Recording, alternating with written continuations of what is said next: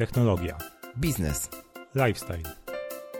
W tym podcaście chcemy podzielić się naszym doświadczeniem i zdradzić Ci, Jak to wszystko razem łączymy? bo czemu nie? Zapraszają Krzysztof Kołacz Oraz Rafał Sobolewski.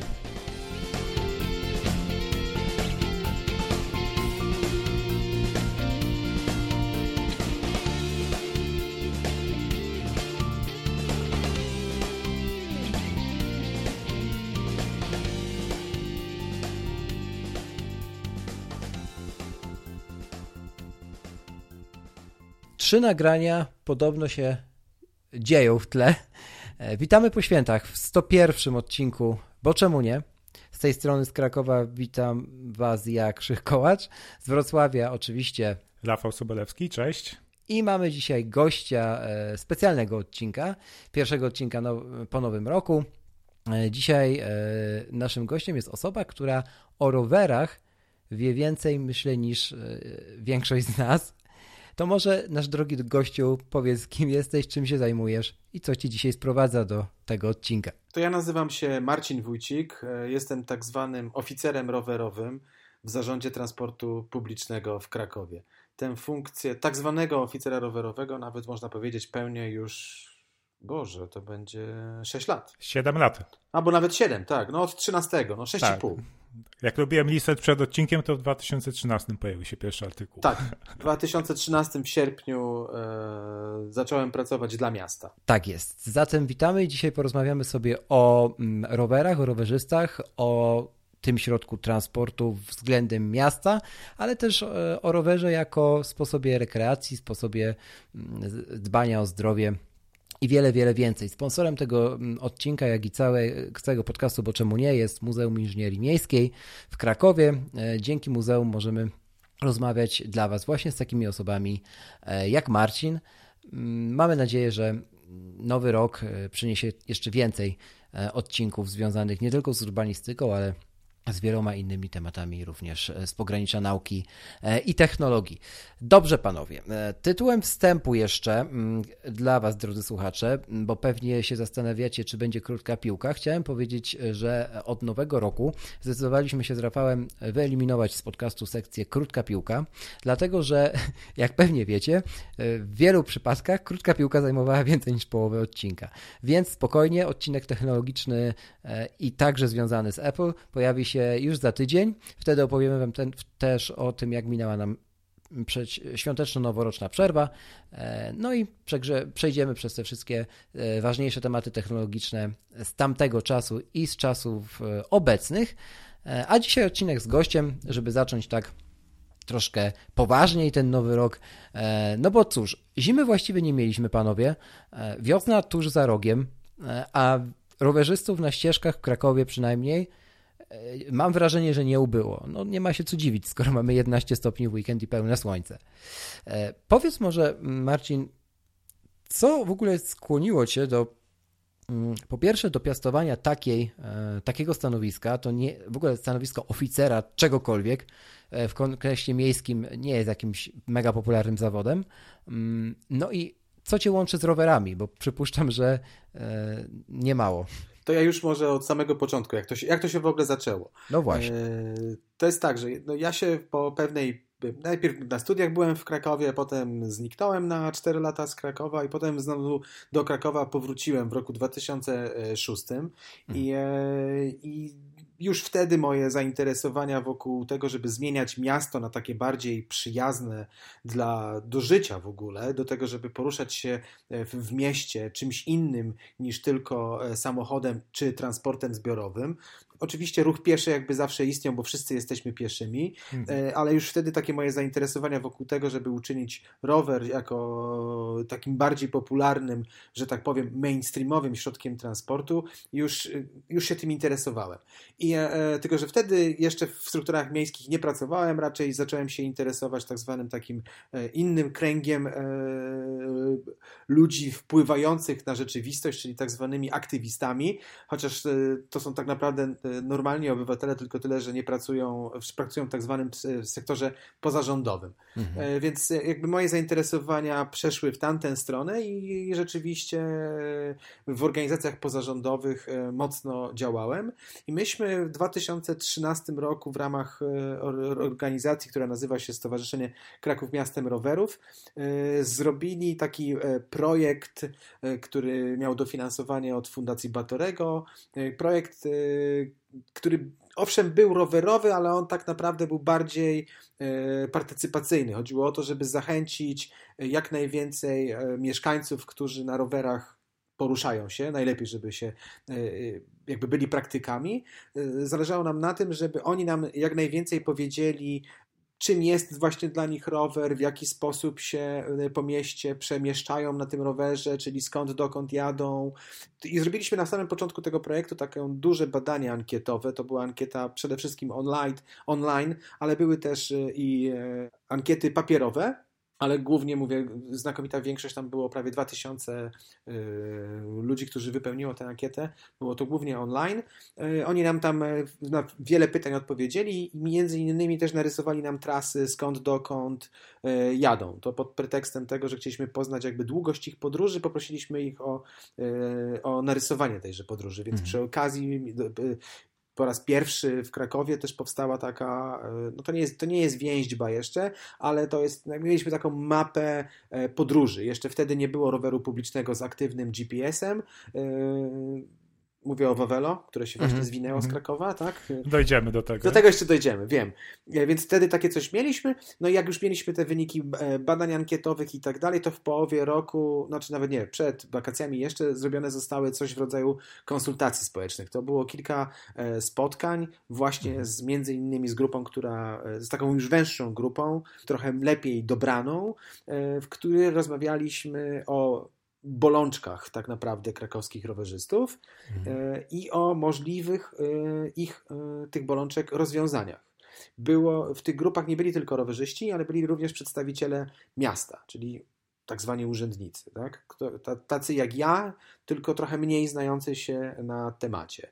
Zostali wysłani, żeby przy okazji w tych grupach nie tyle pracować, co jakby trochę być takim głosem no nie chcę powiedzieć rozsądku, ale też takim głosem, który mówi, że rowerzyści chcą na przykład, a tu by się przydało takie, a takie rozwiązanie, mhm. to ci urzędnicy mieli za zadanie powiedzieć, y, w jakiej perspektywie na przykład czasowej takie rozwiązanie jest realne, albo czy w ogóle ono jest realne, tak, i czy można y, coś ewentualnie innego zaproponować, albo żeby w ogóle odpuścić sobie takie rozwiązanie, bo na przykład, nie wiem, poprowadzenie jakiegoś przejazdu przez prywatną działkę będzie niemożliwe, więc, y, więc mówię, to urzędnicy mieli być tym ciałem, które zna znało się, y, jakby potrafiło też czytać oficjalne mapy, tak, gdzie jest struktura własności i wszystko to, czym ja się i jakby ludzie, którzy teraz w zarządzie transportu publicznego e, są stricte dedykowani do rozwoju ruchu rowerowego, się dobrze na tym znają.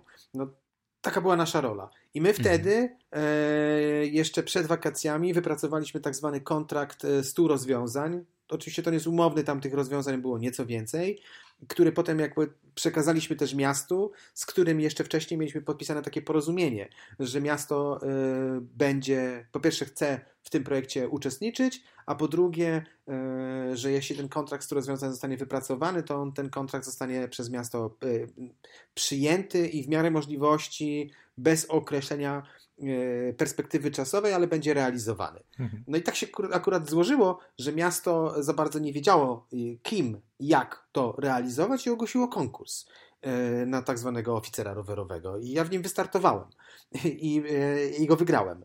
Więc no, tak wylądowałem w strukturach miejsc. Stałeś się odpowiedzialny za wdrożenie tego pakietu ponad 100 rozwiązań? Tak chociaż ten pakiet 100 rozwiązań e, nie został nigdy w pełni zrealizowany, bo część z nich to naprawdę były duże zamierzenia inwestycyjne, które dopiero teraz, po 6 latach, od, tam prawie po 7 latach, tak, od momentu, kiedy e, te, te rozwiązania były wypracowywane, się realizuje. Mówimy na przykład o tym połączeniu które powstaje, to dla tych, którzy nie słuchają, czy którzy słuchają z Krakowa, to będą wiedzieć, to jest od ulicy Wielickiej wzdłuż całej ulicy Kamieńskiego, mhm. aż do Ronda Matecznego i dalej do, e, do Wisły, do Kładki, która ma powstać na Ludwinowie i do centrum miasta.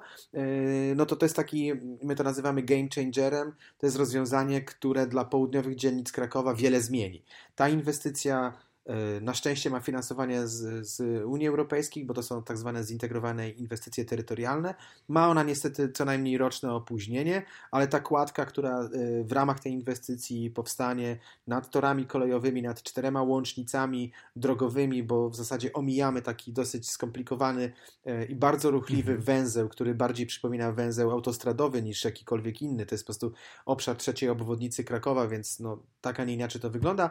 Więc tam powstanie taka 400-metrowa, chyba najdłuższa w Polsce e, kładka pieszo-rowerowa, która nie będzie nad żadną rzeką, tylko nad ulicami i torami kolejowymi. Mhm. I jakby no to zmieni naprawdę dużo, bo może się okazać, że to będzie znacznie szybsze połączenie niż e, nawet samochodem, bo tam się często ta ulica Kamieńskiego mhm. korkuje, tak. a tak to rowerem będzie można to wszystko ominąć. To nie tylko Kamińskiego się e, korkuje, to chyba dotyczy wielu, u... ja wielu ulic w wielu miastach. E, natomiast tak, jak już mówisz o tym, o, o, o samych ścieżkach, to zacznijmy może od, od, trochę od liczb. Ile mamy w Krakowie kilometrów ścieżek rowerowych? Czy to jest tak? Ja powiem, to jest, y, to nie są ścieżki rowerowe. Y, my to, nazywamy, my to nazywamy drogami dla rowerów. Y, I dróg dla rowerów mamy ponad. Ale... Ponad, już powiem dlaczego. No, no. Dróg dla rowerów mamy ponad 100 km, ale o łącznej całej długości tak zwanej infrastruktury rowerowej Aha. to mamy około 240. Cyfry w tym wszystkim nie są tak naprawdę najważniejsze, ale jak skoro nie pytacie, to też na nie odpowiadam. Dlaczego mówimy drogi dla rowerów, a nie ścieżki? Bo w ogóle w, w, polskim prawie są pewne niespójności i w jednym jest zapisana droga dla rowerów, mówimy o prawie o ruchu drogowym, a w prawie budowlanym rzeczywiście jest sformułowanie ścieżka rowerowa. Ja preferuję droga, ponieważ to jakby podnosi jej status i Ścieżki to są jakieś takie wydeptane gdzieś na łąkach, w lasach, tak, którymi gdzieś ktoś mm -hmm. pojedynczo się porusza. Tu musimy mówić o konkretnej infrastrukturze, która ma przenosić najlepiej tysiące rowerzystów i rowerzystek dziennie. Więc dlatego mówimy o drodze dla rowerów. Mm -hmm. Przynajmniej my w urzędzie. Jasne. A ile tych e, w takim razie rowerzystów, e, czy faktycznie to są dziesiątki tysięcy dziennie, mm, przewija się przez miasto? Tak, z tym, że jakby dokładne liczby rowerzystów jasne, jasne. nikt nie zna. Mhm. My mamy tak jako miasto, mamy 13 automatycznych punktów pomiarów natężenia ruchu rowerowego. To jest nic innego jak pętla indukcyjna, która jest zatopiona e, pod drogą dla rowerów, czy też no, no pod nawierzchnią drogi dla rowerów mhm. i po prostu zlicza, ile jest e, dziennie przejazdów. I tak najpopularniejsza jest e, ulica Mogilska, czyli połączenie Nowej tak Huty tak z centrum Krakowa. No tak, no, bo to jest pełne, to jest jedyne z tamtej strony, czy znaczy już nie jedyne, ale to było takie pierwsze kluczowe i to jest najkrótsza droga tak. z Nowej Huty do centrum i jako jedyna jest w zasadzie kompletna. Znaczy do pewnego do Ronda Mogilskiego dojeżdża się już drogą, drogą dla rowerów, a od Ronda Mogilskiego jedzie się kontrapasem, Dokładnie. który mhm. też jakby w tę infrastrukturę rowerową właśnie jest wliczany. Mhm. Chociaż nie jest de facto drogą dla rowerów, tylko jest mhm. po prostu pasem ruchu dla rowerów w przeciwnym kierunku, dlatego nazywa się kontrapas. E, no i to jest i tam e, najlepsze wyniki sięgają po 5-6 tysięcy w ciągu dnia, ale to mówimy o tym takich zwanym ja nie chcę mówić sezonie rowerowym, ale mówimy o tym okresie roku, kiedy jest e, najprzyjemniej, naj... tak, mhm. chociaż nie za mhm. gorąco, ale ciepło, czyli maj, czerwiec. No to jest, więc mówię, to jest kilka tysięcy yy, dziennie, ale rocznie to Mogilska przenosi jakieś 600-700 tysięcy mhm. przejazdów, tak? Znaczy tyle pokazuje. To jak już przy liczbach jesteśmy, to, to ja o jeszcze jedną statystykę zapytam. Czy mierzycie też procent e, udziału ruchu rowerowego w stosunku do wszystkich podróży, jakie się w mieście odbywają różnymi środkami y, transportu? To my jako my, czy jako Zarząd Transportu Publicznego takich badań nie wykonujemy. To jest badanie, mówisz teraz o tak zwanym kompleksowym badaniu ruchu. No tak, tak. Takie, du, tak I takie duże badanie było wykonywane właśnie w, w roku 2013, niestety w listopadzie i wtedy w wynikach wyszło, że rower stanowi około 1 może 2%. Mhm jakby ze wszystkich podróży. w roku, e, w ubiegłym roku, tak, w ubiegłym roku było dokonywany taki tak zwany mały KBR. On był na, niestety na grupie raptem tysiąca osób i, e, i już tam wyszło, że rower jeśli przyjąć to badanie za wiarygodne, tak, że rower w Krakowie, y, jego udział to jest około 6,9%, więc jakby widać, że w ciągu tych 6 y, lat rower zyskał na popularności, co jest zresztą widoczne gołym okiem. Kiedy będą kolejne kompleksowe badania ruchu na takiej bardzo dużej grupie, żebyśmy mogli realnie określić, jaki jest udział ruchu rowerowego, tego nie wiem, ale mam nadzieję, że w najbliższej przyszłości, nie wiem, może w tym roku mhm. znajdą się na to pieniądze, może w przyszłym. Warto takie e, badania raz na jakiś czas powtarzać. Generalnie mówi się, że co 10 lat minimum musi mhm. być powtarzane kompleksowe badanie ruchu, ale szczerze powiedziawszy, przydałoby się, aby ono się pojawiło wcześniej niż w 23. Znaczy, z punktu widzenia nawet y, prowadzenia namawiania ludzi do tego, żeby się przesiadali na inne środki transportu, mówię o wysiadaniu w zasadzie z samochodu, mhm.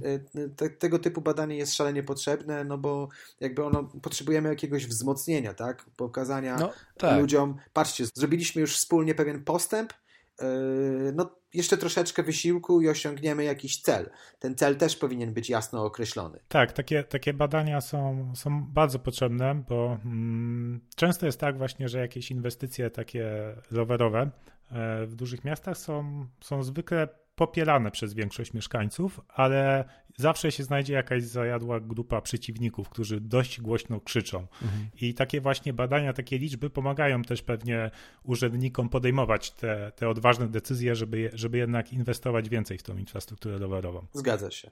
My na swoje jakby poparcie działań mamy referendum z 2014 roku, w którym nie tylko były cztery pytania i nie pytano tylko o to, czy chcemy, żeby była olimpiada zimowa organizowana, mhm. ale jedno z pytań dotyczyło właśnie, czy popierasz przyspieszenie budowy dróg dla rowerów. I tam to był najlepszy wynik pozytywny, to 83%. E, a pamię proszę pamiętać, że wiążące było to referendum. To jest to w liczbach absolutnych to było jakieś 170 tysięcy osób, które wypowiedziało się tak, jesteśmy za przyspieszeniem rozbudowy infrastruktury rowerowej. E, czy za tym poszły jakieś konkretne działania?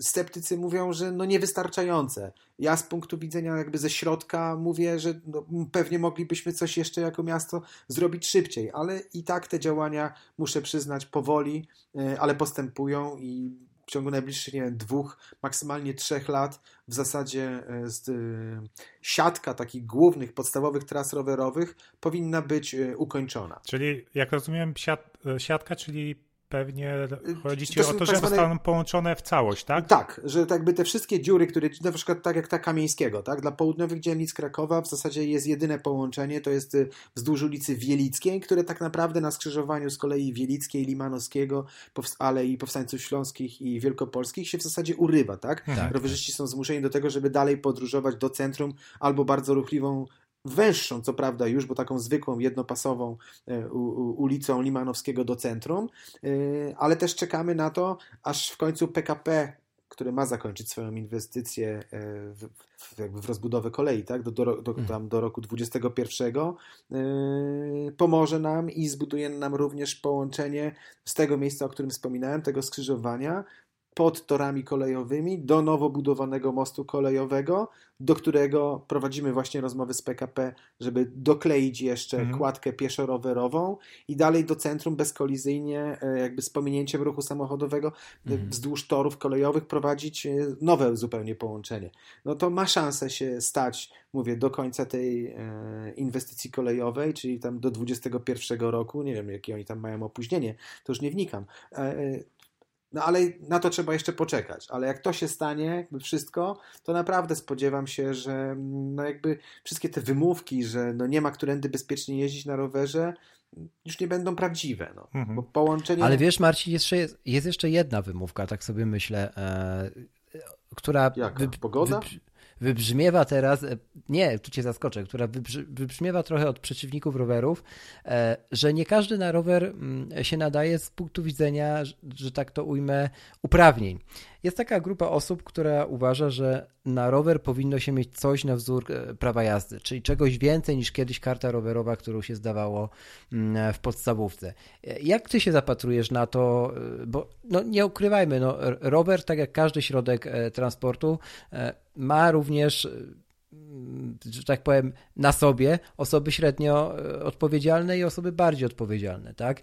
E, jak ewentualnie miasto zapatruje się na, na taką kwestię edukowania rowerzystów, tak? Czyli czy szkolenia może nawet rowerzystów, bo, bo ta świadomość czasami, zwłaszcza na, na Nowej Hucie, którą przywołałeś sam, e, mhm. jeśli chodzi o poruszanie się ścieżkami przez rowerzystów i to nie tylko młodych, E, no bywa, bywa niska, że tak to ujmę delikatnie. To ja może odpowiem tak. Mhm. Z naszego badania, które zrobiliśmy w 2013 roku, tego, na mhm. które wspomniałem na samym początku, ono było naprawdę na dużej grupie.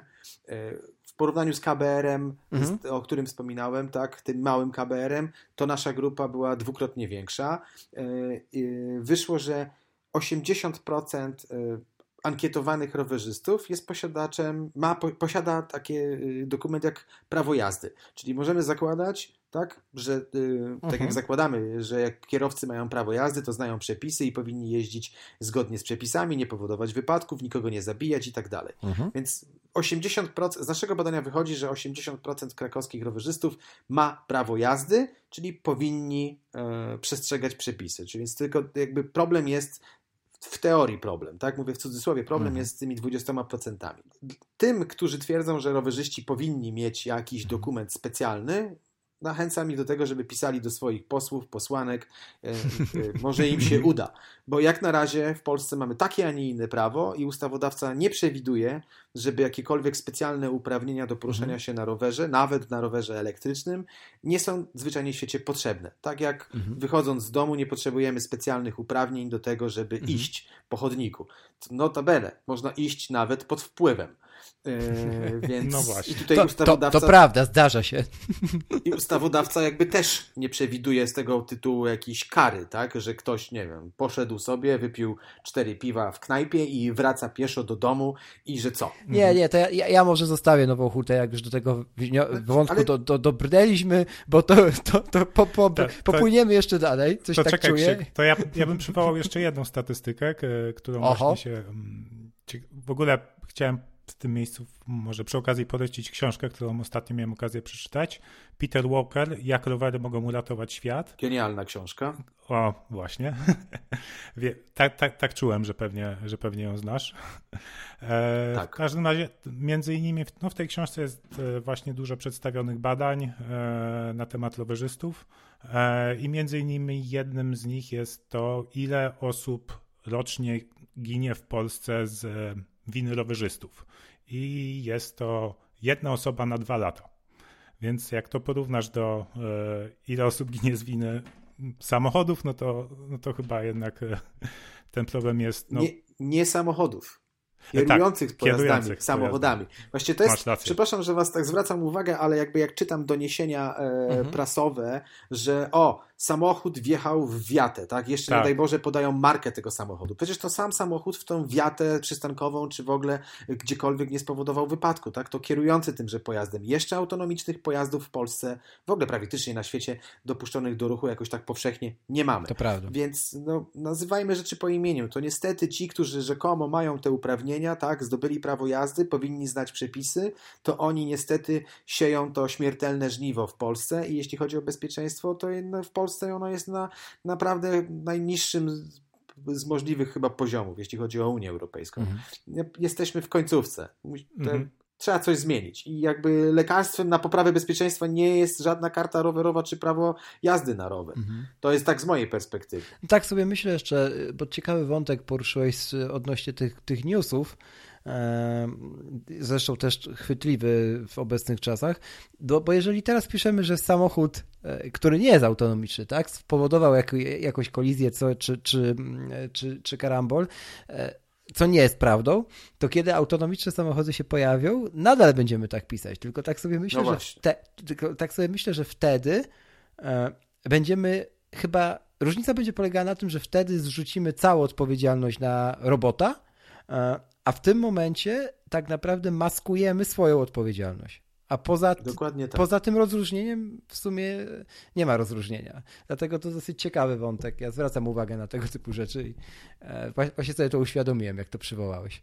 Mm, dobra, Marcin. E, a tak dokładnie jak to się dzieje, że gdzieś powstaje ścieżka rowerowa? Jaki my jako mieszkańcy, oprócz oczywiście głosowania w budżecie e, obywatelskim, mamy wpływ na to, mm, że na przykład na naszym osiedlu zostanie doprowadzona, tak jak e, na przykład na osiedlu Piastów mhm. E, parę lat temu została doprowadzona do, do maksa właściwie ścieżka, która jak dobrze się pojedzie, to łączy właściwie to osiedle bardzo odległe e, z samym centrum, nie?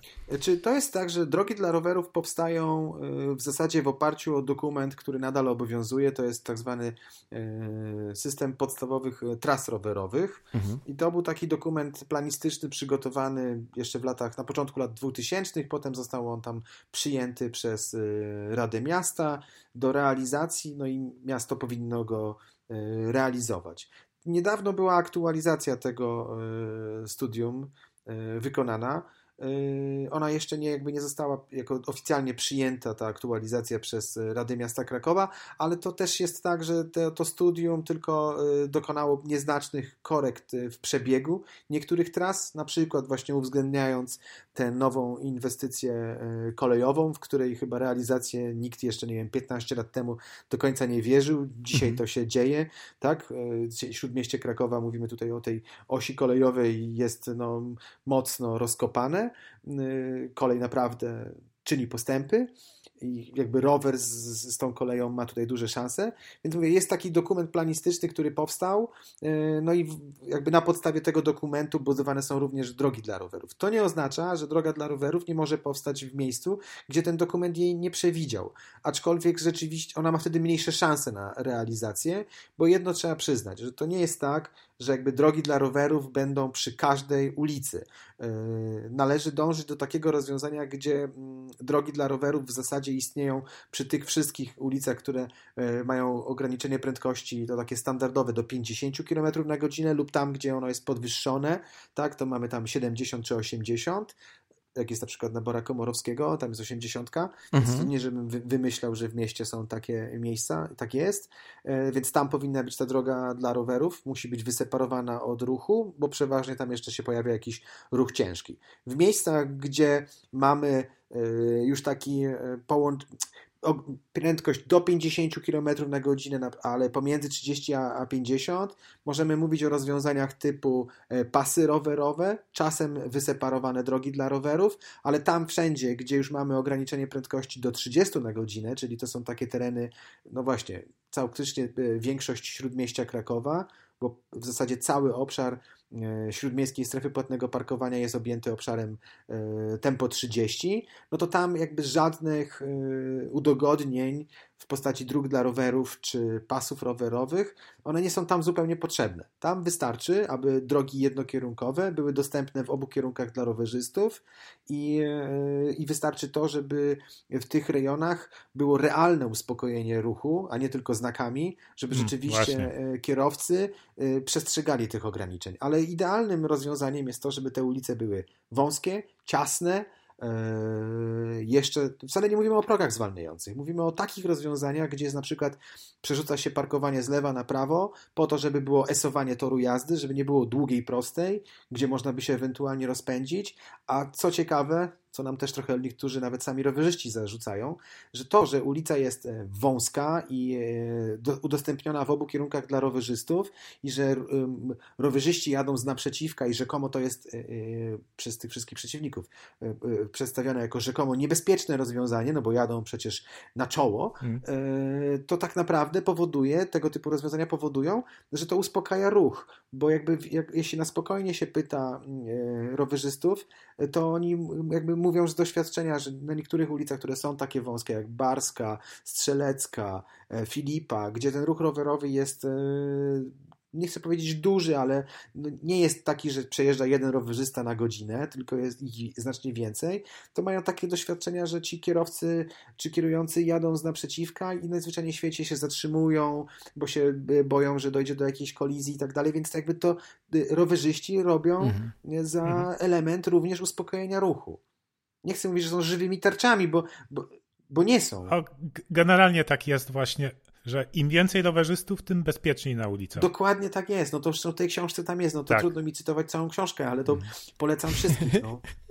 Zalinkujemy oczywiście w notatkach do, do odcinka, gdzie możecie ją nabyć. Peter Walker jest dziennikarzem, a nie rowerzystą, więc jakby on, yy, on bardzo dobrze to po prostu opisał. E, wie, wiecie co, panowie, tak sobie myślę, że z swojego punktu widzenia, jako na przykład osoby, która biega e, kilka razy w tygodniu, to mm, to esowanie, o którym e, wspomniałeś, nawet samej ścieżki rowerowej, tak, gdzie wymienia się, gdzie ta ścieżka... A to już nie. A widzisz, bo na przykład ja to, ja to e, e, zauważam na plus, że kiedy esujemy ścieżkę rowerową i zmieniamy tę stronę poruszania się pieszych, mhm.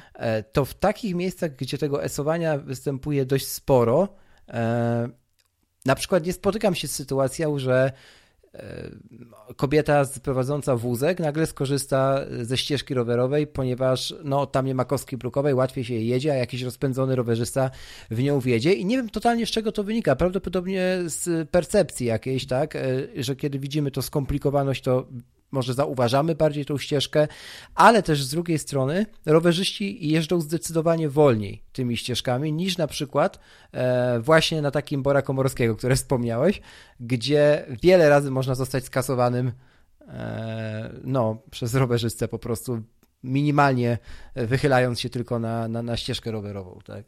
Więc. Ale Bora no ja, ja, to mówię ze swojego. Mhm. Bora Komorowskiego, przepraszam, tak wchodzę w zdanie. Bora Komorowskiego jest też taką ulicą, przy której właśnie samochody jeżdżą tak, w zasadzie tak. 80, a realnie to tam jeżdżą i nawet znacznie więcej. No to jasne. E, jest tam, jest tam e, no, jak ktoś jedzie od huty do, do centrum, to jest e, fajnie, bo mocno z górki rzeczywiście można się rozpędzić. I akurat mhm. to, że ona jest tam tak bardzo dobrze prosta, to jest czynnik, który powoduje, że rower ma szansę na tej trasie stać się poważną alternatywą. Znaczy, mhm.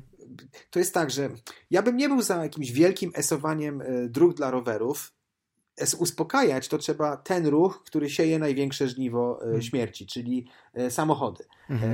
A rower, jeśli chcemy, żeby był wybierany jak masowo, tak, przez Polaków, krakowian, jako środek transportu, to musimy go uczynić naprawdę atrakcyjnym. Ta droga dla rowerów powinna być możliwie najszersza, żebyśmy na przykład jadąc z żoną, partnerką, mhm. partnerem, mhm. kto tam chce, z dzieckiem, mogli jechać też obok niego, nie blokując, obok tej osoby, nie blokując przejazdu jakby innym osobom. Tak, tak. Dlatego one powinny mieć co najmniej 2,5 metra szerokości, jeśli nie 3. Mhm. Mówię, wystarczy wybrać się do Holandii. Tam ten standard jest zupełnie in, inny.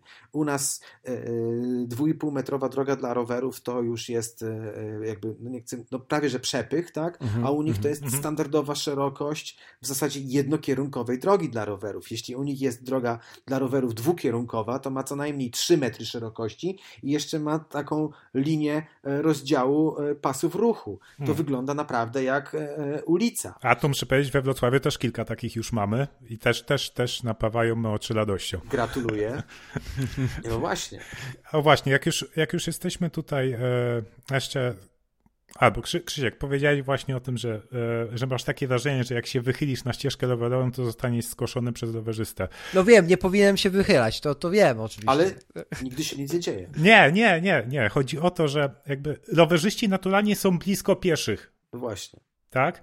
I to postrzeganie bezpieczeństwa, jakby jeżdżenie na rowerze i, i chodzenie też pie, pieszo jest jakby jest bezpieczniejsze niż się wydaje, niż, mhm. niż to tak naturalnie tak. postrzegamy. Staty, statystyki, to, to co ty mówisz, że, mhm. e, że może być e, właśnie, że cię skosi rowerzysta, jak się wychylić za bardzo, to statystyki zupełnie tego nie potwierdzają. To się, to, się, to się zdarza bardzo rzadko. Mhm. A jeśli się zdarzy, to nawet to, to jakby sama masa e, kinetyczna, tak? E, Energia tak kinetyczna. Energia kinetyczna, przepraszam, ale też masa rowerzysty powoduje, że okej, okay, no przy jakimś nieszczęśliwym upadku tego pieszego może się zdarzyć nawet i fatalny w skutkach e, wypadek. Ale prawdopodobnie ale... to rowerzyści się prędzej coś stanie, nie? Dokładnie, ale mhm. właśnie do tego, to, to rowerzysta ponosi jakby większe mhm. ryzyko. I pod... ja już to za... przez tyle lat jeżdżę na rowerze i jeśli nie, jak, jak mi piesi nie pomagają, czyli jakby zachowują swój tor e, marszu już obrany i nie chcą mi pomóc, tak, to ja ich bezpiecznie ominę. E, problem zaczyna się w momencie, kiedy ktoś widząc mnie, chce mi pomóc, chce mi zrobić miejsce. Ja nie mam zielonego pojęcia, co on wtedy zrobi i rzeczywiście możemy się zderzyć. E, nawet przy mhm. niższych prędkościach. To jest na tej samej zasadzie, jak nie wiem, ktoś nas widzi, jak idziemy, tak, i nagle jest taki taniec, ty w lewo, on tak, w lewo, tak, tak. E, e, zupełnie niepotrzebny. Mhm. E, jakby, nie wiem, no Holendrzy ten taniec na ulicy pomiędzy ten balet, jak to Jane Jacobs w swojej książce też bardzo zresztą dobrej o upadku e, miast amerykańskich pisze, e, właśnie ten balet e, uliczny pomiędzy pieszymi i rowerzystami, on się spokojnie, bezkolizyjnie może odbywać pod warunkiem, że jakby zaufamy sobie trochę więcej i też nie będziemy się przesadnie spieszyć. Bo ja też jakby, żeby, jak, jak byłem przeciwko esowaniu e, dróg dla rowerów, to nie chodziło mi o to, żeby e, zwolnić, znaczy żeby rowerzysta e, mógł pędzić, tak? Nie, nie, nie. Wystarczy, żeby on się poruszał z taką średnią, ale przewidywalną prędkością, jakieś 15-20 km mhm. na godzinę. To będzie dla niego akceptowalne. I ta zresztą prędkość z powodu percepcji naszego mózgu jest też yy, idealna do tego, żebyśmy się jakby wzajemnie dogadywali. Stąd w Holandii te eksperymenty, które już nie są eksperymentami w zasadzie, u nas by były, ale u nich już się dawno sprawdziły, mogą sobie powyłączać e, sygnalizację, mogą, albo jak mają skrzyżowania z sygnalizacją, to na przykład takie zwykłe, czterowlotowe, e, jest też tak, że na przykład na wszystkich czterech wlotach dla rowerów świeci się zielone i jakoś do żadnych kolizji nie dochodzi. Wszyscy się tam pięknie potrafią odczytać swoje intencje i prześliznąć, tak jak piesi się potrafią e, mhm. ładnie zmiksować bez potknięcia się jeden od drugiego. Mhm. Y, to, to naprawdę działa. Tylko trzeba mhm. odrobiny współpracy, tak? I wszyscy jadą z podobną, średnią prędkością. Dobrze, jak już e, wspomnieliśmy o tych esowaniu i różnych tego typu zabiegach, to czy macie, macie w Krakowie jakieś takie standardy e, infrastruktury rowerowej, które, których na przykład e, jak jest powiedzmy remont czy przebudowa jakiejś ulicy i wiemy, że wtedy powstanie, powstanie też infrastruktura rowerowa, której wykonawcy muszą się trzymać, że na przykład, że tak, muszą... Mamy taki dokument. Że zawsze musi być asfaltowa, e, obniżone krawężniki, nie wiem, wyniesione Zgadza przejazdy się. rowerowe. To już wszystko opowiadam. Tak, opowiadam. Mamy e, standardy e, e, infrastruktury rowerowej, mamy w Krakowie, one są chyba najstarsze w Polsce. Znaczy, sam dokument nie jest tak stary, bo dwa lata temu był aktualizowany i już tam są te rzeczy, które jakby z doświadczenia wyszły, że się nie do końca sprawdziły, że należy to trochę inaczej rozwiązywać, tam zostały poprawione. Zresztą standardy zostały również dostosowane do jakby aktualnie obowiązujących przepisów. Więc mamy taki dokument. Mamy też procedurę tak zwanego audytu rowerowego, czyli wszelkie, wszystkie te inwestycje, przebudowy. Ja bym tu rozróżniał remonty, bo remont yy, taki, który ma dokumentację, to już jest w zasadzie przebudową i to wszystko przechodzi przez tak zwany audyt rowerowy. Strona społeczna też w tym audycie bierze udział, może się wypowiedzieć, zgłosić swoje uwagi. I tak rzeczywiście wszystko to powinno spełniać y, y, standardy. A jeśli chodzi o taki zwykły remont, gdzie po prostu nie ma żadnej dokumentacji, że wymieniana jest wyłącznie nawierzchnia, czy to chodnika, czy e, jezdni, bez zmiany geometrii tejże jezdni, czy tej ulicy, tak, nie zmienia się przebieg krawężników i tak dalej, to to akurat audyto e, nie podlega żadnemu audytowi, no bo nie ma żadnej dokumentacji. Mhm. Ale generalnie no. rzeczywiście standardy są, I w, czy w standardach, w standardach nie ma zapisu o tak zwanych wyniesionych przejazdach rowerowych, ale my tutaj w Krakowie chcieliśmy uczynić to w zasadzie standardem i tam, gdzie to jest e, możliwe, e, to tak robimy. Że jakby przez przecznicę e, chcemy, żeby przejście i przejazd rowerowy był w formie wyniesionej. Tak czyli kierujący, skręcający w tę przecznicę, no ewidentnie musi zwolnić, musi przepuścić i pieszych, i rowerzystów, przejeżdża gościnnie przez tę y, drogę dla rowerów i chodnik, i dopiero dostaje się jakby na, na jezdnię, chociaż no, tak by było idealnie. No tak. Trochę u nas to jeszcze inaczej wygląda. Zdaje się, że takie przecznice to są właśnie najniebezpieczniejsze miejsca, Naj... jeśli nie ma takiego wyniesionego, wyniesionego No tak, generalnie tak. Nie są to bezpieczne miejsca, uderzenia boczne, wymuszenia pierwszeństwa, tak, to są jedne z najczęstszych przyczyn jakichś kolizji czy też wypadków z, z pieszymi, czy z rowerzystami. Mhm. E, dobrze, a powiedz mi jeszcze, jak to jest u Was e, w budżecie obywatelskim? Czy e, zgłaszają mieszkańcy dużo projektów rowerowych, które właśnie nie są objęte tym, tym programem budowy tras rowerowych? To taki ostatni, który przychodzi mi do głowy, to jest tak zwane Łączymy Parki Krakowa i rzeczywiście tam wzdłuż Alei Kijowskiej, wzdłuż której w zasadzie nigdy nie było planu budowy drogi dla rowerów, to w ramach tegoż projektu tak tam droga dla rowerów y, powstaje. Mhm. A tak to zgłaszają ludzie, zresztą całkiem sensowne projekty typu mm, nowe stacje, samoobsługowe stacje naprawy rowerów e, albo e, wiaty rowerowe, co nas najbardziej cieszyło, bo taki projekt e, wygrał w ubiegłym roku, czy nawet jeszcze rok wcześniej, ale w ubiegłym roku pod koniec został przez nas zrealizowany. Postawiliśmy pięć wiat na Krowodrzy. To jest akurat tak, że to są tereny miejskie na szczęście, bo jakby największym problemem stawiania wiatr rowerowych to jest ich lokalizacja, znalezienie dobrej lokalizacji. Wiadomo, każdy by chciał, że na tych dużych osiedlach, żeby przed ich blokami takie wiaty stały. Wszystko pięknie, miasto, mhm. miasto też by tak chciało, bo to jest jakby idealne założenie rower powinien być tak samo łatwo dostępny, jak jest e, dzisiaj dostępny samochód, tak? Każdy chce go mieć mniej, mniej, więcej jak najbliżej e, swojego domu zaparkowany. Tylko, że niestety miasto nie dysponuje mm, na osiedlach w większości osiedli nie dysponuje te, terenami. Są to własność, najczęściej są to własności spółdzielni mieszkaniowych lub wspólnot mieszkaniowych i to one wtedy tak naprawdę powinny te wiaty rowerowe stawiać. No, miasto nie jest w stanie e, zrobić, nawet gdyby miało pieniądze, to nie może postawić wiaty na nie swoim terenie. Mhm. No tak, no ja na szczęście mieszkam w takim osiedlu, gdzie mamy rowerownię w budynku, więc... E, Ale mam nadzieję, że łatwo dostępną, nie że po schodach, tylko jakoś tak na parterze. E, Wiesz co, nie, ona jest piwnica, ale jest winda do, do niej. No to chociaż więc, tyle. Więc spoko. I ta winda jest na tyle duża, że spokojnie rower się mieści, nawet dwa. No, no to jest bardzo dobre rozwiązanie, bo nie ma niczego gorszego jak windy na dworcach, tak? gdzie rower trzeba pionowo stawiać, no. bo się nie mieści, bo no, to, PKP to nie, tak. nie, wpadło na to, żeby zrobić windę na 2,5 metra głęboką, chociaż się im zwraca często uwagę. Yy, no, no tak jak mówię, no, najgorsze co może być, tak, to codziennie wnosić ten rower, nie daj Boże, na balkon albo do piwnicy. No, najlepszym rozwiązaniem mm. jest postawić go po prostu na przystojaku rowerowym, przed klatką, przed domem, gdzieś w pobliżu, a jeszcze jak będzie zadaszony, to już w ogóle będzie rewelacja. Mhm. Mhm. Tak, a jak już jesteśmy przy tych wiatach, to ja na przykład obserwuję w Krakowie, że pod wieloma biurowcami, przynajmniej w obrębie tych dwóch krakowskich mordorów, czyli Bora Komorowskiego i Ruczaj, e, gdzie tych korporacji jest sporo, pojawia się, mm, pojawia się kilka, kilkadziesiąt takich stacji serwisowych rowerów, tak? gdzie na, na, na mhm. stałe na, na linkach są, e, oprócz pompki oczywiście, którą można dopompować powietrze w oponach, e, jest też zestaw podstawowych kluczy i tak dalej, e, żeby na przykład sobie chociażby spadnięty łańcuch móc naprawić.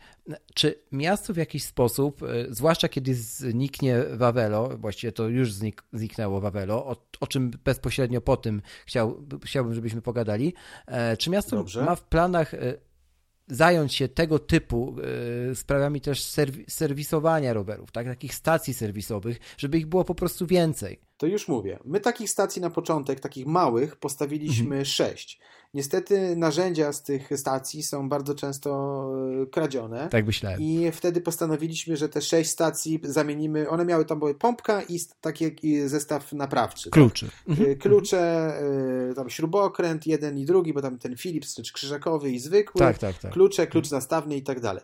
Te małe sześć stacji postanowiliśmy przerobić wyłącznie na pompki, jakby ten taki najbardziej podstawowy, po, znaczy produkt naj, naj, naj, najbardziej podstawowej potrzeby, bo nasze też doświadczenie jest takie, że znakomita większość rowerzystów nie ma zielonego pojęcia, jak naprawić rower, e, ale to już pomijam.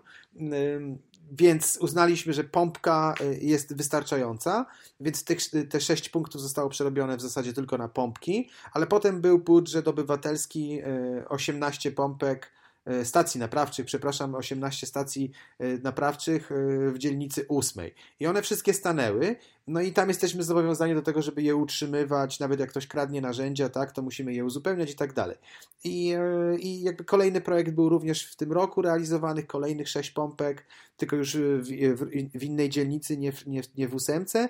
I myślę, że znaczy, jeśli się e, akty wandalizmu nie będą tak często powtarzać, to jest duża szansa, że miasto jakby zainwestuje i w większości Krakowa tego typu stacje naprawcze zostaną przez nas ustawione. Ale tak z mojej perspektywy, to ja jestem skłonny do tego, żeby miasto zainwestowało i żebyśmy postawili sporo właśnie pompek mhm. E, e, w mieście, bo tam jest tam przy okazji tam dwie końcówki i w zasadzie obsługują wszystkie trzy możliwe rodzaje wentyli, czy też wentylów, tak, e, rowerowych mhm. i samochodowych i ten jeszcze taki, ten jeden taki wąski, co w kolarkach najczęściej jest. No i jakby to uważam za wystarczające. Mm, mhm. Też, to jest kwestia najbliższych, nie wiem, dwóch, trzech lat i jakby tylko naszej zasobności naszego miejskiego portfela tego z tą przedziałką, czy też tą szufladką dedykowaną dla rozwoju ruchu rowerowego, bo budżet Krakowa jest duży, ale... Mhm. Jak już jesteśmy przy szufladce... A mieliśmy o Wawelo gadać, ale dobrze. No właśnie, chciałem do tego płynnie nawiązać, taki most zrobić. Otóż, jak jesteśmy okay. przy szufladkach e, i pieniądzach, to wydaje się, że e, my jako użytkownicy ruchu miejskiego, ruchu drogowego chyba bardziej pokochaliśmy zostawianie tych pieniędzy u zagranicznych e, dostawców hulajnóg niż, e, niż rowerów, bo Wawelo i w ogóle bike sharing się powoli wycofuje z miast. Z Krakowa się właśnie wycofał końcem roku. Dlaczego? Bo to mnie bardzo ciekawi. Znaczy... No bo Wawelo to potężny projekt potężna ilość tych stacji była. Tak, I... tak znaczy to był duży projekt, jak go planowaliśmy w roku 2015, pod koniec. Mhm. W 2016 udało nam się podpisać umowę i rzeczywiście docelowo udało nam się osiągnąć pełen rozmiar y, systemu, czyli 150 stacji i 1500 rowerów. Stacji ostatecznie było nawet 160 kilka, bo tam jeszcze dochodziły takie stacje, które były na wniosek y, tych właśnie korporacji stawiane i tak dalej. Tak, tak. Y, dlaczego Wawelo się zwija, to jakby trudno mi powiedzieć powiedzieć. Na pewno nie zabiły go hulajnogi. To jakby to, te informacje trzeba zdementować. Taka była, okay. tak oni mówili na samym początku, ale statystyki wypożyczeń Wawelo nie potwierdzają tego. Okay. Owszem, zostało jakby ten, maks, ten maksymalny punkt tak, wyników Wawelo został osiągnięty w roku 2018 i w 2019 on się nie zmienił. On był jakby dokładnie taki sam. Nie, Wawelo nie zaliczyło wzrostu. I być może dla właściciela bo oni oficjalnie nam tego nigdy wprost nie przyznali. Dla nich to mhm. było niewystarczającym wynikiem finansowym i dlatego postanowili, że się stąd zwijają. Yy, pretekstem mogły się okazać tak naprawdę hulajnogi. Hulajnogi, tak. Ponieważ mhm. my prowadzimy rozmowy z, hulaj, z operatorami hulajnóg elektrycznych i jakby oni jasno i otwarcie przyznają, że dla nich głównym klientem są turyści, a Wawelo było nastawione na mieszkańca Krakowa. Stąd były abonamenty, mhm. które są owszem krytykowane, ale abonament, jedną rzecz udało nam się osiągnąć abonamentem. Lojalność klienta Czyli ktoś zapłacił te 20 zł za miesiąc, gdzie miał te 60 mhm. minut dziennie, E, co mówię, tym, którzy chcieliby okazjonalnie korzystać z rowerów, nie podobało się, no bo oni by sobie chcieli zrobić wycieczkę kilkugodzinną w sobotę czy w niedzielę, tak? No, do tygodniu, tak. Mhm. No na przykład, a w tygodniu ten mhm. rower by w ogóle ich nie interesuje. Tak, e, abonament te 60 i potem 90 minut dziennie za 25 zł e, spowodował, że nasz klient najczęściej do tych rowerów wracał. U nas użytkowników było owszem mniej niż w Warszawie czy w innych miastach, gdzie tak zwany darmoczas występuje te pierwsze 20 minut za darmo, które nie jest za darmo, bo to są gigantyczne koszty dla gminy. E, u nas tych kosztów nie było pokrywali je sami użytkownicy i one były znacznie niższe, czyli jakby efektywniejsze wszystko było finansowo, całe to y, ułożenie. Mm, te 60 minut powodowało, że ta osoba, jak już ją miała, ten abonament, to zwykle jeździła i w poniedziałek, i wtorek, i w środę tym rowerem. No w czwartek, jak może padał deszcz, to zrezygnował, a w piątek znowu na ten rower e, wracał. E, no tak to wyglądało. My uczyniliśmy e, system roweru publicznego w Krakowie prawdziwym środkiem transportu, a nie tylko jakąś no, no nie wiem, dorywczym rowerem, mhm. który o, jest za darmo, to sobie przejadę między jedną stacją a drugą, tam wypożyczę nowy i tak naprawdę będę e, e, wykorzystywał system i za darmo będę jeździł po całym mieście. Mhm. No, to u nas troszeczkę to inaczej wyglądało. E, to się w sumie sprawdziło niestety właściciel prywatny, czyli koncesjonariusz, postanowił się z tego biznesu wycofać. No nic nie możemy zrobić. Jedyne co to teraz, to już mogę powiedzieć, bo w zasadzie wszędzie to w mediach mówiłem, mamy pewien podmiot inny, prywatny, który jest zainteresowany odkupieniem sprzętu i mhm. prowadzeniem tej działalności dalej, więc jakby jeszcze Wawelo całkiem nie umarło. Czyli, e, get, czyli generalnie jeszcze skończmy, skończmy wątek Wawelo jako, jako podmiotu, czyli te stacje, które zostały zamontowane, no bo to jest też ingerencja w infrastrukturę jakby miejską, tak, wchodnik chociażby, tak? Tak. E, no, to one zostają na razie, tak? To nie jest tak, że Wawelo... Znaczy na razie tak, bo jeszcze umowa, to jest tak, że oni nie świadczą już usługi, ale umowa jeszcze nie została rozwiązana. Ona okay. E, jeszcze do 17 marca będzie obowiązywać. Ten sprzęt okay. owszem jest ich, w sensie koncesjonariusza, on nie jest nasz, stoi na mhm. terenie publicznym y, i dlatego mówię, ten, ten nowy podmiot prywatny, który jest duża szansa, że ten sprzęt odkupi, mm, będzie jakby świadczył y, tę usługę dalej, więc być może na wiosnę Wawelo w nowej odsłonie, może troszeczkę droższe, y, jeśli chodzi o abonamenty, kwestia nawet inflacji, dalej jest duża szansa, że będzie dalej funkcjonował. Okay. Aha, czyli z, obec, z obecną infrastrukturą. A wy możecie wtedy zrobić to jako zamówienie z wolnej ręki, bez dospisywania przetargu? Czy... To nawet nie będzie zamówienie. To, jest, to będzie trochę. To, y, my to widzimy tak, że jeśli się jeden prywatny podmiot y, z drugim dogada i ostatecznie dojdzie do transakcji, to y, tak naprawdę E, ten nowy podmiot będzie działał bardzo na podobnej zasadzie, jak obecnie działają operatorzy mhm. hulajnóg elektrycznych. Mhm. Okej, okay, ale to wtedy... Miasto, to nie będzie nasz jako miejski rower publiczny, tak? To nie będzie publiczny rower, to będzie po prostu wypożyczalnia rowerów miejskich. O, ja to tak widzę, tak bym to nazywał nawet. Mhm. Aha, mhm. czyli... Mhm. Nie będzie oficjalnej umowy pomiędzy... Że, że, bo do tej pory to była koncesja z tak zwaną dopłatą. My koncesjonariuszowi płaciliśmy no tak. symboliczną, bo symboliczną, ale to wynikało z jego oferty, złotówkę za rower za miesiąc. Tutaj takiej dopłaty ten nowy operator, jeśli się zdecyduje, mieć nie będzie. Ale nadal e, jest zainteresowany świadczeniem tejże usługi. Mhm. Mm, ale też będzie rozwijać tą infrastrukturę i dostawiać nowe stacje? A to czy... na to pytanie nie jestem w stanie odpowiedzieć. To jeszcze nie tak. No tak. Nie, bo myśl, myślałem, że może to jest taka szansa właśnie na, na zdobienie od nowa jeszcze lepszego systemu, bo e, my na przykład we Wrocławiu teraz e, jakby u nas jest Nextbike od wielu mhm, lat już, tak. ale teraz chyba w, ta, w, ty, w tamtym roku był trzeci chyba albo drugi e, przetarg i zrobili tak, że rowery można zostawiać poza stacjami w dowolnym miejscu w mieście. No to tak jak u nas było. Tak. A, tak też było. U nas też tak było w Krakowie, tylko trzeba było dopłacić za taką e, przyjemność, czy też e, za taki luksus, e, ekstra 3 złote. Mhm. Nic więcej. No tak, no to, to u nas tak samo. Generalnie chcieliśmy mieć rowery uporządkowane, stąd właśnie chcieliśmy, żeby one były w stacjach. Ale poza stacją wystarczyło mhm. zostawić i mówię, dopłacić 3 zł, a jak ktoś ten rower inny wziął i odprowadził go do stacji, to on z kolei dostawał plus 1 zł do swojego konta. Więc jakby te rowery tak naprawdę były sprzątane, że tak się wyrażę kolokwialnie, przez innych użytkowników. Tak.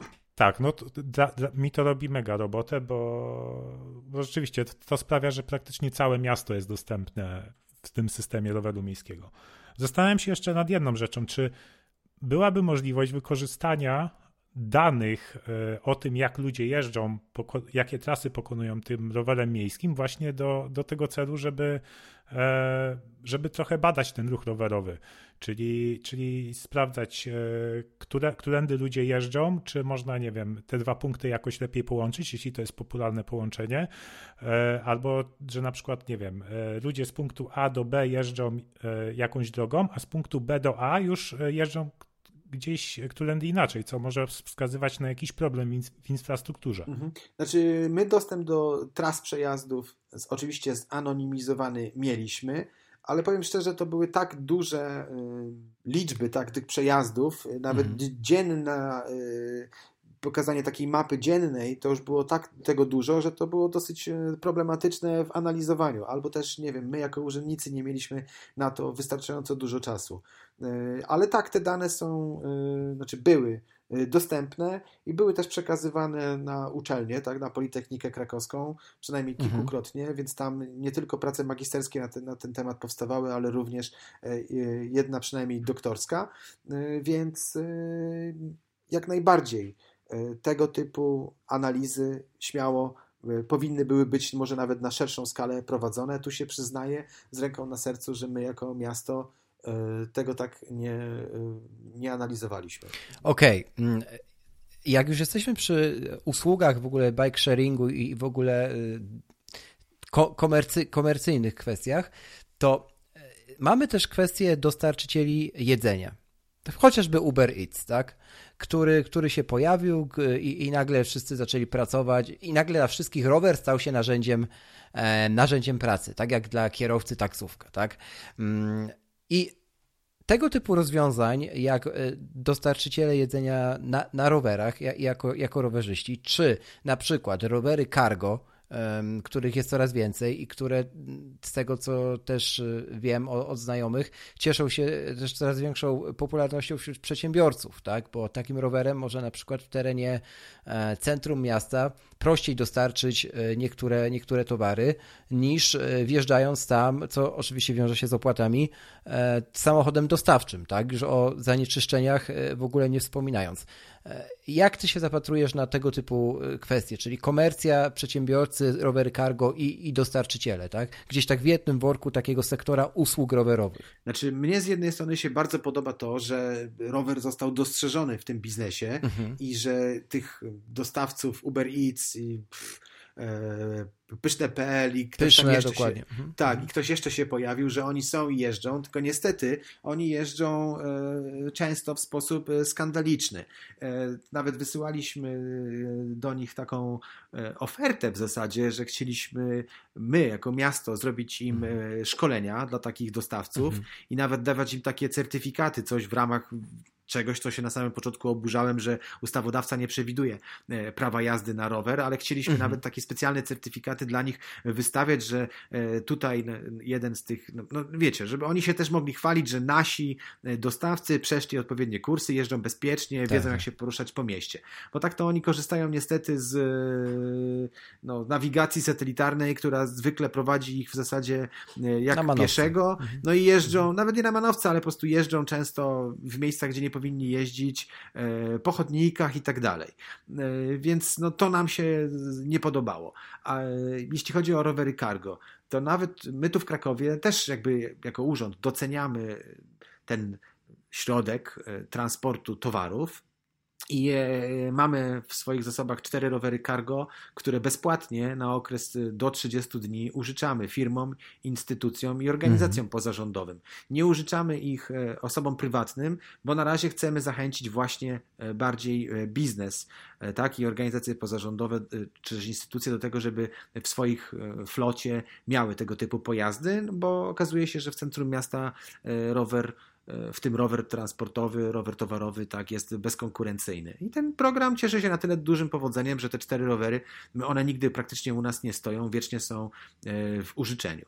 Więc e, no to działa. Mhm. To tak pokrótce, no bo nie wiem, co jeszcze mogę dodać. Tak, tak. E, to może ja dodam odnośnie tego, tych dostawców i ich skandalicznego zachowania, to też w Krakowiakach, jeszcze przeskakując do taboru tramwajowego na chwilę, w Krakowiakach też to widać, bo akurat niechlubny Uber e, podwozi się troszkę, wiesz, e, wykorzystując to, że w Krakowiakach mamy miejsca i te sloty dla, dla rowerzystów i to całkiem sporo ich. Nie wiem ile tam tego jest, czy 10, czy mniej, ale w każdym razie jeden... Chyba dla pięciu. Dla pięciu, dla pięciu no. E, już pomijam to, że w większości przypadków te sloty są zajęte po prostu pasażerami zawsze jest problem, żeby tam się do nich dostać i wielką kłótnią się to kończy. To już pomijam, ale mm, jakby to też jakoś tam Uber próbuje ograniczać, tak? Chociażby mierząc prędkość poruszania się, tak? E, poprzez, poprzez e, GPS-a mm, tego dostawcy. Jak, jak jest z tym transportem miejskim? Bo zastanawiam się, czy też e, tego typu edukacyjne szkolenia Mm, rozważacie w kontekście właśnie mm, jakiejś współpracy z Miejskim Przedsiębiorstwem Komunikacji, nie? E, bo ta świadomość jednak, że strefa dla rowerów jest dla rowerów, no, za duża nie jest, przyznam szczerze. Znaczy, tylko, że akurat jeśli chodzi o regulamin przewozów, to on przechodzi przez e, Radę Miasta. E, mhm. To też to nie jest jakby wyłącznie wymysł, nie wiem, MPK, czy też drugiego mhm. przewoźnika, jakim jest w Krakowie Mobilis. Ten, co tak, prawda, tak. ma tylko autobusy. Jeśli chodzi o tramwaje, to rzeczywiście jest to tylko MPK. E, jest takie, że no jakby nawet prowadzący pojazd, tak, motorniczy czy też motorowy, mhm. jak zwał, tak zwał, też kierowca, e, mają prawo, jeśli pojazd jest zatłuczony, odmówić e, przewożenia roweru. E, w pojeździe. E, więc to, ja bym się tam nie czepiał tych pasażerów, którzy jakby, no jak już jest okay. zatłoczony cały ten Krakowiak i stoją akurat w tej przestrzeni, gdzie ona niby jest dedykowana do e, przewozu rowerów, to tylko wam powiem, że to nie do końca tak jest, że ona jest, znaczy ona owszem funkcjonalnie rzeczywiście tam są te rurki i jest dedykowana niby do przewozu rowerów, ale chodzi o to, że ona tak została zaprojektowana właśnie po to, żeby tam ludzie akurat nie stali, bo ten wózek tam podobno nie ma, on jest jakby podwieszony, tak? I żeby to konstrukcyjnie wszystko wytrzymało, bo jakby tam zbyt dużo ludzi stało, to mógłby się urwać. Więc to tak zostało wymyślone, tak przynajmniej słyszałem, taka jest kuchnia. Dlaczego tam jest ta przestrzeń? To nie jest tak, że akurat e, projektanci z PESY e, tak bardzo chcieli, żeby tam były, żeby w ogóle rowery były przewożone w tramwajach. No, tak to wygląda. Znaczy, z tą edukacją y, to w ogóle jest generalnie jest y, duży kłopot, bo wszyscy mówią tak, powinniście edukować, w ogóle wszyscy się powinniśmy edukować, a jak wiemy, no, no ciężko z tym jest. Tak?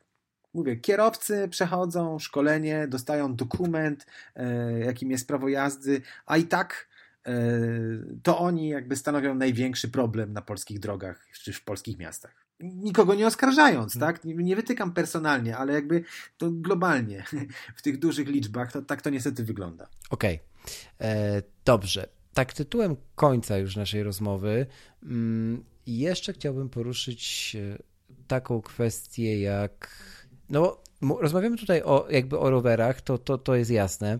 Mm, gdzieś tam o tej infrastrukturze i, i, i tym, jak my osobiście do tego podchodzimy, no i jakie jest twoje też spojrzenie jako osoba, która w tym na tym po prostu, mówiąc kolokwialnie, zjadła zęby. Mm, no ale co dalej? Co dalej w kontekście e, takich planów, powiedziałbym, no nie wiem, w ujęciu dziesięcioletnim, tak? Oprócz tego przyłączania się do, do tych nowy, nowo powstających e, traków, czy, czy, czy tranzytowych, czy, czy kolejowych, czy jest jakaś taka ogólna wizja ZTP na, na rowerzystów w Krakowie powiedzmy e, za, za dekadę, tak? Czy jest coś takiego, co wam przy, przyświeca, przyświeca jakiś cel, jak, jakiś, wiesz, do którego dążycie? Może to nie są liczby, tak? Może to jest coś, coś bardziej... Znaczy, no. jest liczba. Aha. E, była podpisana, tylko nie wiem, to w 2008 albo 2009 roku, tak zwana, to jest deklaracja w zasadzie, tak zwana karta brukselska i tam w niej Kraków zobowiązał się, aczkolwiek nie ma mhm. żadnych sankcji za jakby nie, niedopełnienie tego zobowiązania, mhm. zobowiązał się, że do roku 2020, właśnie go mamy, e, udział ruchu rowerowego w mieście będzie na poziomie 15%. My tego nie mamy jeszcze. Jeśli nawet mamy te 7, no to brakuje nam jeszcze e, co najmniej drugie tyle, prawda? Więc no, mamy przed sobą e, cel, który mam nadzieję uda się osiągnąć szybciej niż za dekadę, w ciągu najbliższych dwóch, trzech lat, ale do tego to nie tylko drogi dla rowerów, kompletne drogi dla rowerów, w sensie tego podstawowego systemu będzie nam potrzebne.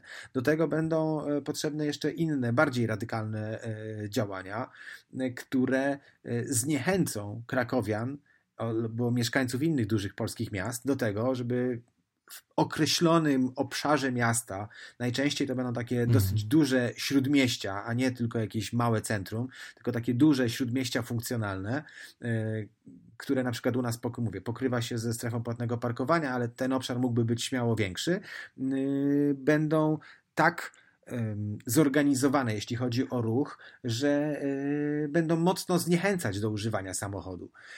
Czyli jakby chodzi o to, żeby każdy mieszkaniec mieszkający w tej strefie miał prawo e, dojechać i możliwość dojechania do swojego miejsca, tak, pod, do swojego miejsca docelowego, tak, pod blok, czy też pod kamienicę, czy nawet do, do prywatnego domu.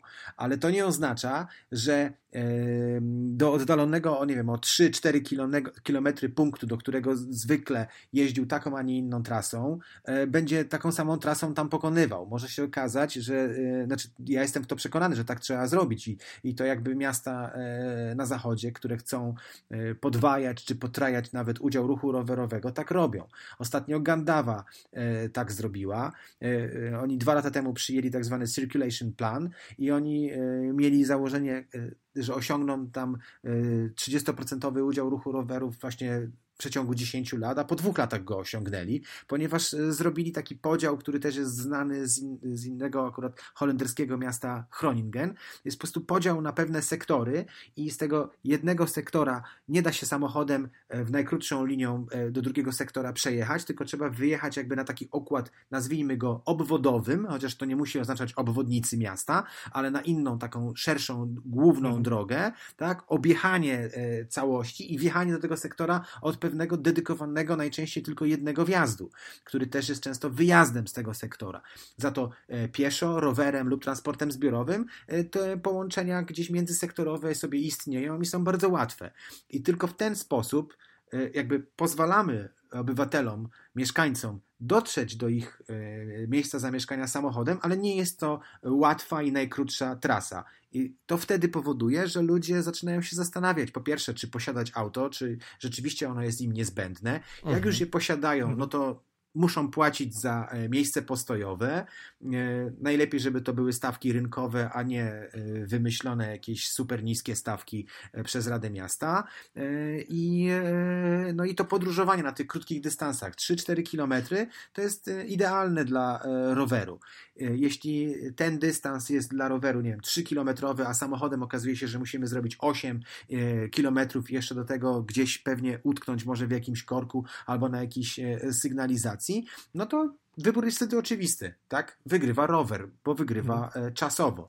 I, I tylko w ten sposób e, uważam, jesteśmy w stanie mm, w Polsce zwiększyć e, udział ruchu rowerowego do takich liczb, jakie znane są nam z miast holenderskich, duńskich czy nawet niemieckich. No tak, tak. to, to, co opowiedziałeś, taki przykład też nie tyle zwiększa nie tylko zwiększa procent udziału ruchu rowerowego, ale też zwiększa dla ludzi, którzy na przykład nie korzystają z samochodu, bo nie mają prawa jazdy albo ich nie stać, mhm. dostępność miasta. Dokładnie. Tak naprawdę, e, bo jak infrastruktura wokół jest bezpieczna, jest mało samochodów i rowerem da się w krótkim czasie, właśnie w promieniu tych 3-4 kilometrów, bardzo wiele miejsc dojechać, no to... To wtedy rower będzie wybierany. No to wszyscy na tym wygrywają tak naprawdę. Dokładnie tak. tak. A jeszcze wracając, A samochod... tam któryś z was, pamię... mhm. bo tak się trącam, któryś z was na początku stwier... Y, powiedział, że jakby przeciwnicy rowerów mówią, że rower nie jest dla wszystkich, ale my nigdy, nawet w ZTP, nikt chyba w żadnym zarządcy e, w jakimkolwiek mieście nie mówi, że na rowerze mają jeździć wszyscy. Chodzi o to, żeby stworzyć takie warunki, żeby możliwie jak największa liczba osób, którzy chcą i mogą, na tych rowerach się przemieszczali najzwyczajniej w świecie. Tak. No, a żeby to, to zrobić, no niestety samochody muszą oddać e, to miejsce, które, które zajmują obecnie. Yy, trochę oddać, ale też i mówię, trzeba tak zorganizować ruch, żeby jeżdżenie samochodem już nie było takie łatwe, jak jest tak. obecnie. Ale żeby było możliwe, tak? Że Oczywiście, ci, co tak. naprawdę muszą, mają realną potrzebę, żeby użyć samochodu, to to, to mogą zrobić, tak? Tak. Ale każdy inny środek transportu będzie, będzie wygodniejszy dla tych, co, co nie muszą jechać samochodem. Dokładnie tak. Um, Okej, okay, to tak w sumie już do końca. Taki nam przyświeca cel na najbliższe 10 lat. E, jeszcze, jeszcze takie pytanko, czy domyślam się, że pewnie masz e, w, nie wiem, czy możesz zdradzić, ale domyślam się, że pewnie masz w swoich warunkach, e, nie wiem, kontraktu z Urzędem Miasta, że musisz dojeżdżać do pracy rowerem? Nie, nie mam takiego, ale dojeżdżam na Nie rowerze. ma takiego zapisu, tak. ale dojeżdżasz. Takiego. Był taki zapis podobno we Wrocławiu, bo e, wasz tak, bo e, oficer właśnie... rowerowy mm -hmm. był pierwszym w Polsce i on miał taki warunek. U nas takiego warunku nie było, aczkolwiek ja dojeżdżam na rowerze nawet mówię przez cały rok, nawet tak. teraz, w sensie taka, taka zima, jaką widzimy, tak, za oknem, że to jak wiosna. No, czyli żadna. Albo, właśnie, no. żadna, dokładnie. Akurat teraz żadna, tak. A du, du, dużo osób jeszcze z Urzędu Miasta, czy z ZTP też, nie mówię, że codziennie dojeżdża rowerem, ale, ale zdarza się, że dojeżdżają? Wiesz co, my jesteśmy małą jednostką i nas y, pracuje tam 50 osób, jesteśmy w samym centrum miasta. Y, wszyscy ci, którzy, znaczy nas 7 albo 8 osób jeździ na rowerach, może to nie jest jakoś procentowo w jakiś wielki mhm. udział, ale to są y, wszyscy ci, którzy najwyraźniej mają na tyle blisko, tak, że dojeżdżają. Bo jakby są też ludzie, mhm. którzy mają dosyć daleko, więc no, jeżdżą transportem zbiorowym, bo jest on dla nich, nie wiem, bardziej komfortowy. No, może nie no chcą się męczyć. Mhm. Nie wnikam, powiem no tak, szczerze, tak. nie, nikogo nie przymuszamy. Była akcja rowerem do pracy.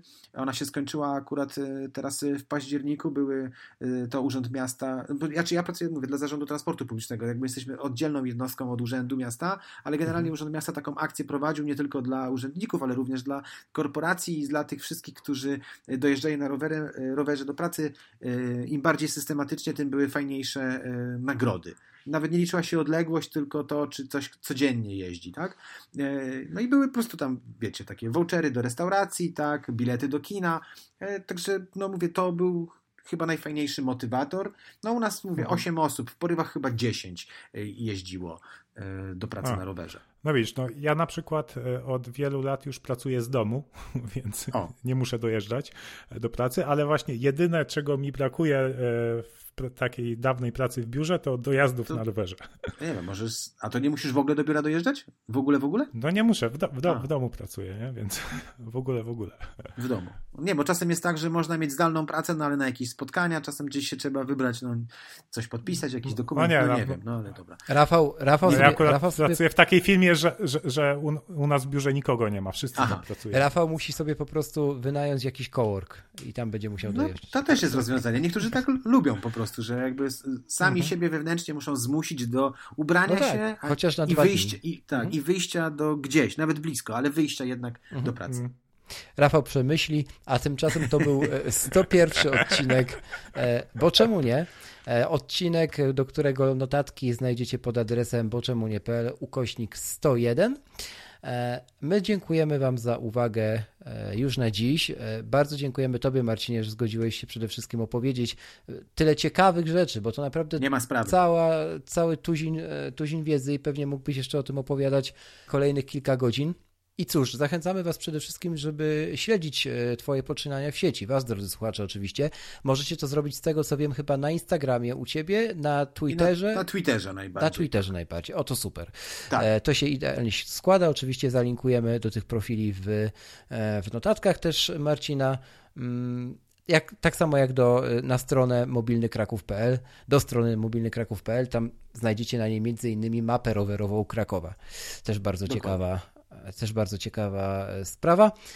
A z tej strony już naprawdę ostatecznie żegna się Krzych Kołacz z Krakowa. Rafał Sobolewski z Wrocławia i... I Marcin Wójcik też z Krakowa. Pozdrawiamy, trzymajcie się i do następnego razu.